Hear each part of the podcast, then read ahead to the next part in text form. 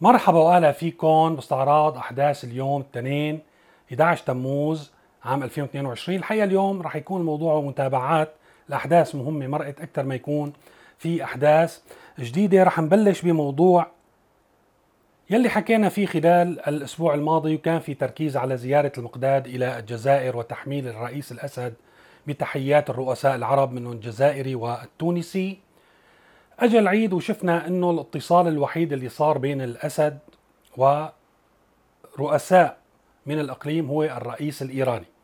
ما صار في أي اتصال بين الأسد ورئيس عربي أو رئيس عربي اتصل مع الرئيس السوري بشار الأسد. فهذا الموضوع هو اللي كنا عم نحكي عليه. في كتير ناس وخاصة على صفحة الفيسبوك بيقوموا بمهاجمة المقطع اللي بسجله أو الكلام اللي بسجله على أساس إنه أنا عم هاجم شخص الرئيس بشار الأسد الحقيقة بغض النظر عن رأيي أنا ببشار الأسد ولكن أنا في عملي أه بشتغل للصالح العام بقدر أه كان في سوريا أو في غير سوريا إنه في بعض المجموعات البشرية عندها شيء مقدس بتحاشى إنه أنا إنه طال هذا المقدس لأن في حال إنه أنا استهدفته بشكل شخصي ما عاد بيسمعوا شيء ثاني ولكن قدر المستطاع أنا بحاول أشرح الموضوع لحتى نعرف لوين نحن رايحين وهذا بهمنا كلياتنا.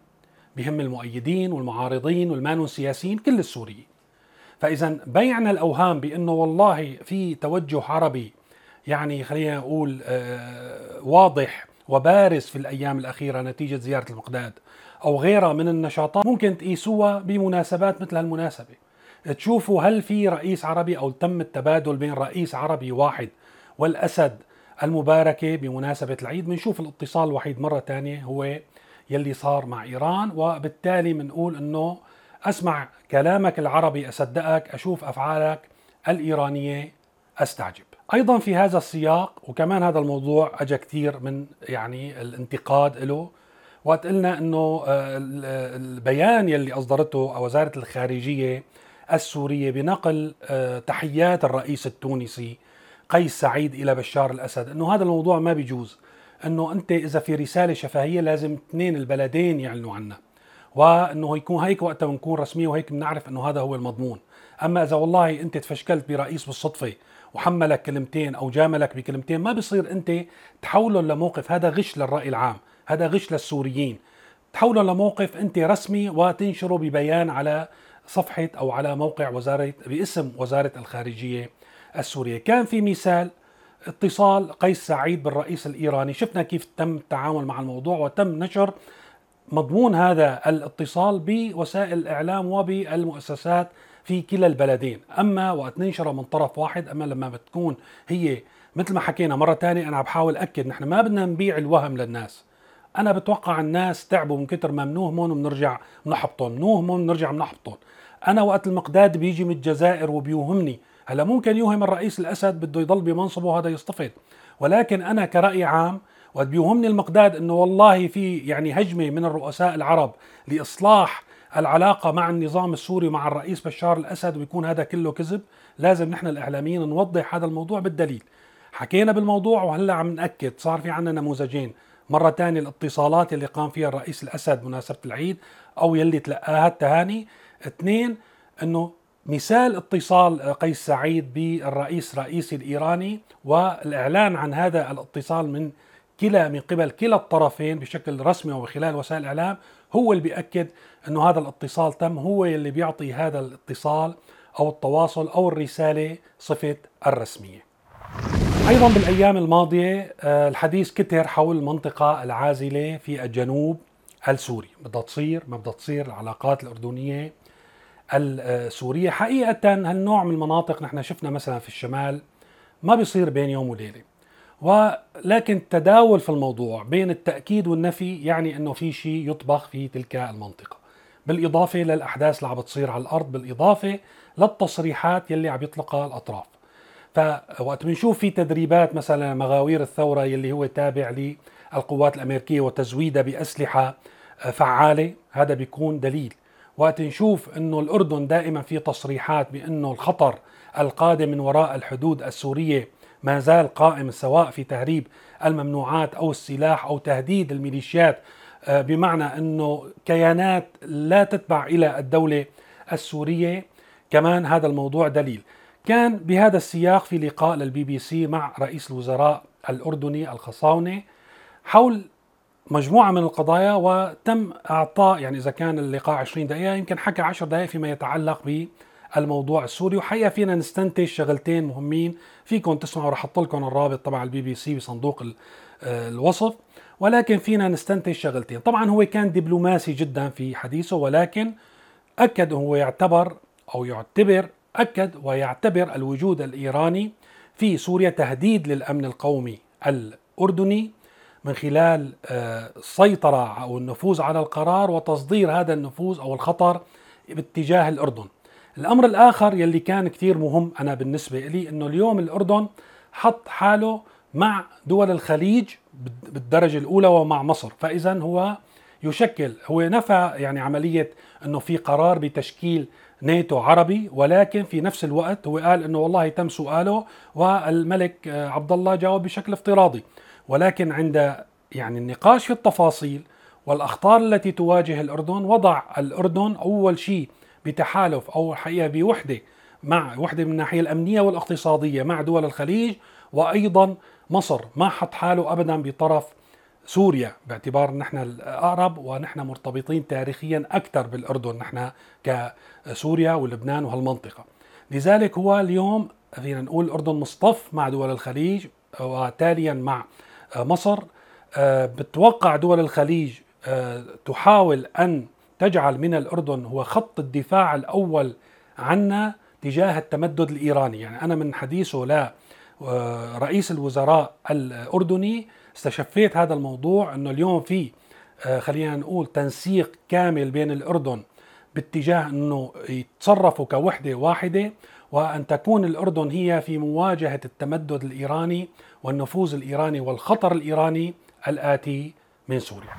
أيضا في موضوع المتابعات وزياره الرئيس لحلب ما راح أحكي بأي شيء يعني يعني المواقف الشعبية لا أنا بدي أحكي عن القضايا اللي بتهم الناس واهمها تشغيل المحطه الكهربائية ووصول الكهرباء إلى حلب تتذكروا بالتسجيل قلنا من الصعب إنه توصل التغذية الكهربائية للمناطق السكنية بالدرجة الأولى. صناعي مو صناعي ممكن رح ياخذوا حقها وزيادة ويربحوا عليها.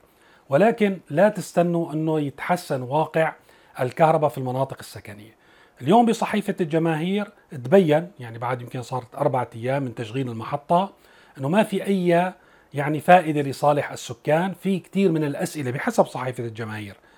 جاي للصحيفة ومنها حولوها للمسؤولين في الكهرباء إنه ما بدنا نستفيد وين الكهرباء يلي أنتم وعدتونا فيها؟ ما في كهرباء ما اجت وطبعا جاوبوا بجواب متعرج يعني آه، مثل ما لف ودوران أنا استشفيت منه إنه والله أخي ما راح يوصلكم كهرباء زيادة. الشيء اللي بيأكد هذا الموضوع وجود تجار الأمبيرات.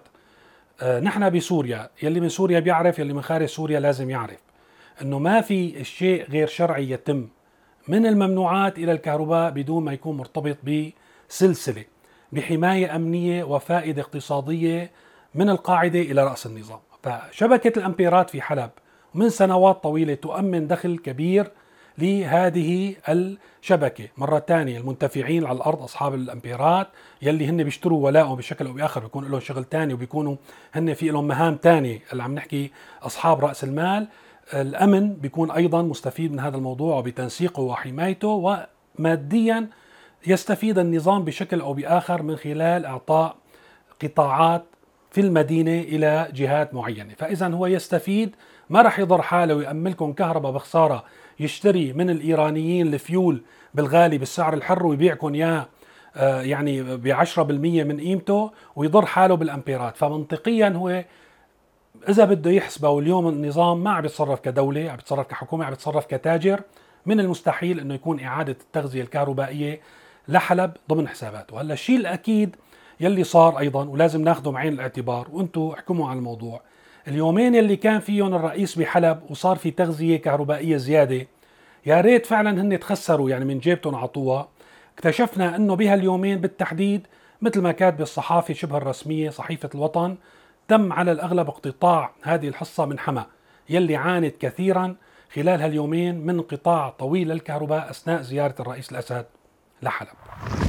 طبعا هذا الموضوع ينطبق على كل شيء، كل ما يأتي إلى النظام مرة ثانية بتضل عيد حتى يثبت العكس حتى حدا يبعث لي دليل بإثبات العكس أي شيء يأتي كهبة كدين كقرض إلى النظام بده يتعامل معه على أنه ثروة ويحاول أنه ينتفع هو بها ويزيد من دخله يحصل رأس المال وأرباح من المواطن وهذا ينطبق أيضا على الباصات. لليوم الباصات يلي طلعوا داروا فيهم المسؤولين دورة بدمشق من آه، تقريبا أسبوعين وقالوا إنه وزعوهم على دمشق وإلى آخره. لليوم المواطنين ما شافوهم وما ركبوا فيهم وفي شكاوي.